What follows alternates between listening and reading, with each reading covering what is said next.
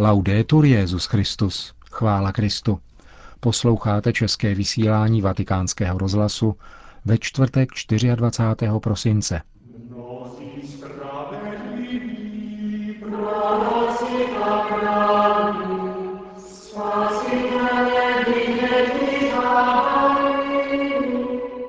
Přáním milostiplných Vánoc vám i vašim drahým zveme k poslechu našeho štědrovečerního vysílání, ve kterém uslyšíte vánoční zamyšlení otce Richarda Čemuse, nazvané Ježíšek mimo program, ve kterém se vrací k návštěvě Benedikta XVI. v naší vlasti. Na úvod našeho vysílání přidáme několik zpráv. Hezký poslech.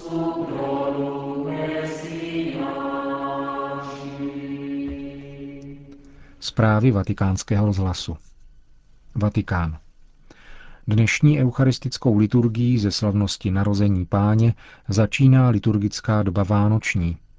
V bazilice svatého Petra začíná tato bohoslužba za předsednictví Benedikta XVI. ve 22 hodin.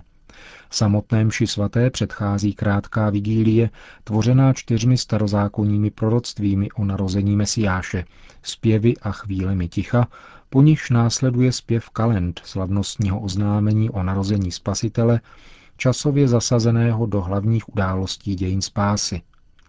Po skončení kalend pak přichází svatý otec a začne samotnou eucharistickou liturgii, kterou bude spolu s ním koncelebrovat 30 kardinálů. Po jejím skončení pak následuje liturgický obřad umístění sošky Jezulátka do jesliček uvnitř baziliky, přičemž svatému otci asistují děti, které přinášejí k jesličkám květiny. Přímý přenos z této mše svaté bude na televizi Noe ve 22 hodin. K homílí Benedikta XVI. z této bohoslužby se vrátíme v některém z příštích pořadů. Na božího dvánoční pronese Benedikt XVI. tradiční polední poselství a požehnání Urbi et Orbi z loďie hlavního průčelí svatopetrské baziliky.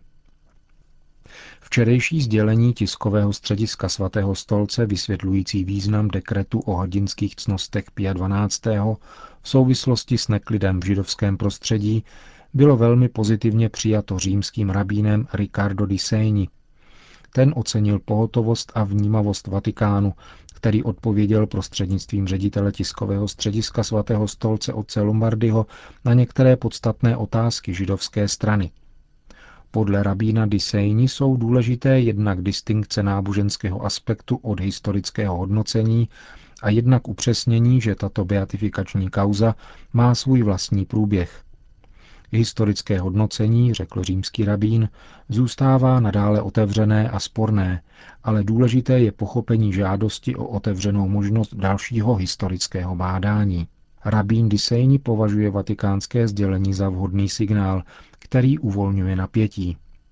Prohlášení hlavního představitele římské židovské obce je důležité zejména v souvislosti s chystanou lednovou návštěvou Benedikta XVI. v římské synagoze. Rusko. V ruské vesnici Satino Ruskoje byl 22. prosince zavražděn pravoslavný kněz otec Aleksandr Filipov.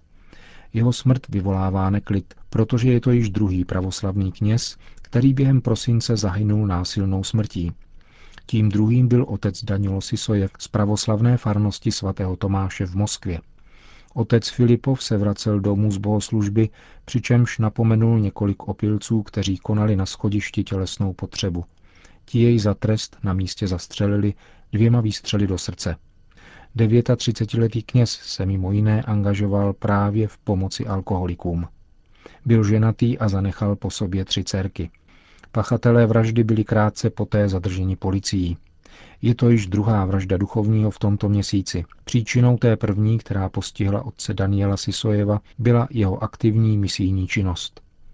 V Rusku bylo od roku 1990 zavražděno již celkem 25 duchovních.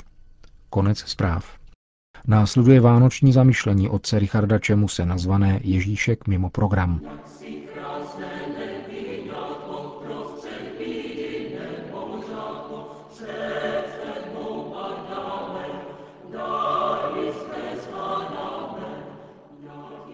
Kuriozní historka. V hluboké normalizační totalitě přijela do Prahy delegace komunistické strany Brazílie. Hostitelská KSČ měla připraven svůj program od první do poslední minuty.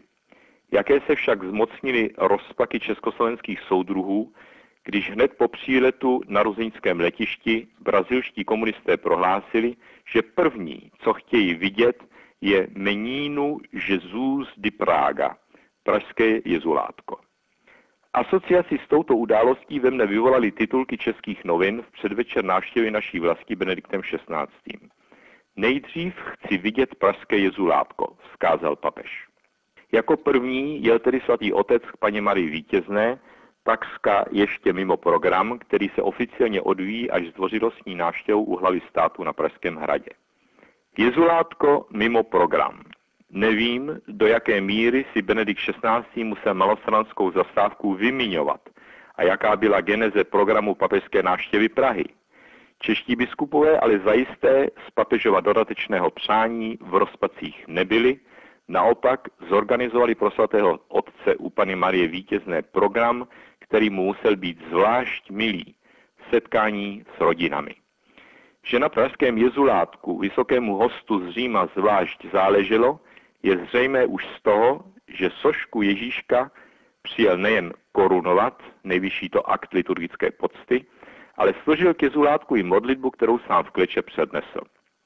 Škoda, že dnes v cizině ctí pražské jezulátko od Jižní Ameriky, kde mu říkají Santo Niño de Praga, přes Filipíny až po Indii, kde ho nazývají Pragile Uni Isho řeži Malayalam, víc než v Čechách. Bylo ještě v minulém století pražské jezulátko tak populární, že se pro Antoine de Saint-Exupéryho stalo námětem pro sepsání Malého prince, v současnosti se dostalo spíš na okraj katolické zbožnosti. S respektem zlížíme k dalekému Bohu na nebi, ale nevíme, co si počít s malým Ježíškem na zemi. Narušuje náš životní program víc než libo tak trochu jako velkému Zdeňku Svěrákovi Malý Kolia ve stejnojmeném filmu. Ruku na srdce. Není nápadné, že úcta k jezulátku je zvlášť živá v těch koutech světa, kde je populace mladá, zatímco my nezadržitelně stárnem? Ach ano, děti v té naší staré, dobré Evropě, jejíž srdce je právě Česko, se ocitly tak nějak mimo program společnosti mimo program racionálně organizovaného, finančně kalkulovaného a časově vytíženého života. Děti se staly zátěží, která moc stojí, sílu, peníze i čas. A kdyby jen to, děti nás nutí víc ze sebe, zajímat se o ně, přijmout jejich způsob myšlení, vlastní život přeorganizovat a osobní plány neustále pozměňovat. Byť by to byl jen tak nevinný plán, jako vklouznout večer do pantoflí a číst si noviny. Že dítě takový program může šmahem zhatit, let kterého otce dohnalo k výbuchu vzteku, když nepřímo k surovému násilí. A to mluvím o zdravých dětech. Co když se však narodí dítě nemocné, tělesně či mentálně postižené? Vyžaduje-li ode mne zdravé dítě stálou pružnost, tak to postižené žádá přímo konverzi zanechat představ o životě a žít ho, jaký je, a to znamená neustálý zápas.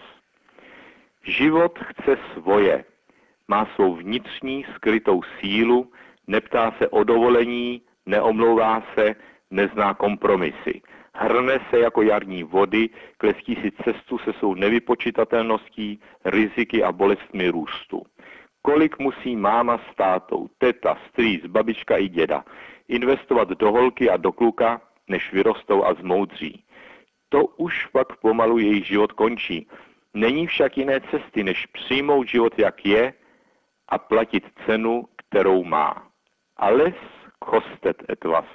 Umsonst ist nur der Tod und der kostet das Leben. Všechno něco stojí, říká německé přísloví. Zadarmo jenom smrt a ta stojí život. Život je životem, když je v pohybu, sílí a roste. Bůh sám posvětil jeho dynamiku, když ho sám na sebe vzal od početí až k trpkému konci. Proto je život něco posvátného, budí úžas, radost i bázeň. Je zázrakem i požehnáním, proto se mu nemá bránit, když se ohlásí. Každé dítě, které přichází na svět, říká se, nese sebou poselství, že Bůh to se světem ještě nevstal. Jak říká prorok Jerebiáš, neboť to, co s vámi zamýšlím, znám jen já sám, je výrok hospodinův. Jsou to myšlenky o pokoji, nikoli o zlu, chci vám dát naději do budoucnosti. Je to nad naše chápání. Věčný, neměný Bůh vyrůstá jako dítě na zemi. Pana počne, plod v ní zraje, rodí se. Náš Bůh nepřichází do světa jako vyspělý technokrat s počítačem pod paží a hotovým programem řešení všech problémů. Přichází jako malý, nedospělý, neužitečný, no prostě mimo program, takže nikdo s ním nepočítá. Vždyť už v Betlémě pro něj nebylo místo a tak uzřel světlo světa pod širákem za městem. Bohu jsme vyhradili místo daleko na nebi, tam nám nevadí. V nouzi se máme aspoň ke komu utíkat. S Ježíškem na zemi je to už složitější. Plete se nám tak dlouho pod nohy, až pochopíme, že si nárokuje nás celé. Zdánlivě jen dětsky žvatlá a přece je tím rozhodujícím slovem, kterým nám Bůh promlouvá do života. Přijmi mne a budeš žít. Pražské jezulátko není proto jen němá vosková figurka. Je výmluvným blahopřáním božím nám, přáním věčného života už v tomto našem čase. Naši předci tomu rozuměli. Radostí z blízkosti pána zahrnovali jezulátko drahocenými dary jako tři králové. I papež Benedikt mu přivezl šatičky a ozdobil ho korunkou. Trochu dětinského folkloru mimo program, který teprve začne? Nikoli. Ale smrtelně vážné vyznání víry z toho, jenž všemu dává smysl, je všeho počátek i konec, alfa i omega. Právě proto nemůže mít ve světě své místo jinde, nežli v samém srdci člověka. Bude odtamtud královat? Řekněme ano. A nový rok pak může bez obavy začít. Božské dítě už není mimo program, ono samo je naším programem. Tak, jak to vyjádřil Benej 16. ve své modlitbě. Pane Ježíši, máme tě před očima jako dítě a věříme, že jsi boží syn, jenž se stal člověkem skrze Ducha Svatého v lůně Pany Marie. Podobně jako v Betlémě, i my s Marií a Josefem, anděli a pastýři, se ti klaníme a vyznáváme, že jsi náš jediný spasitel. Stal se s chudým, abychom zbohatli z tvé chudoby.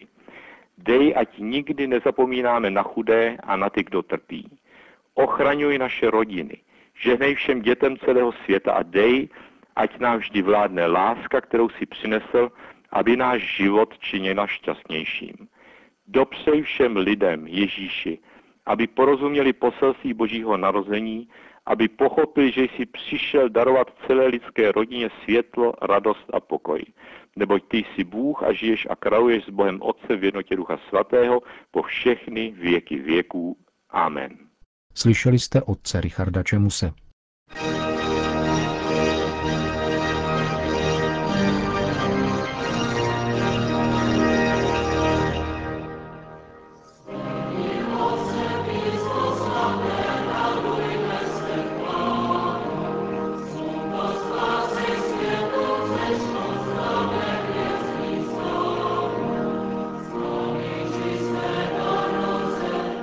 Přáním požehnaných Vánoc vám všem, milí posluchači, končíme dnešní české vysílání vatikánského rozhlasu.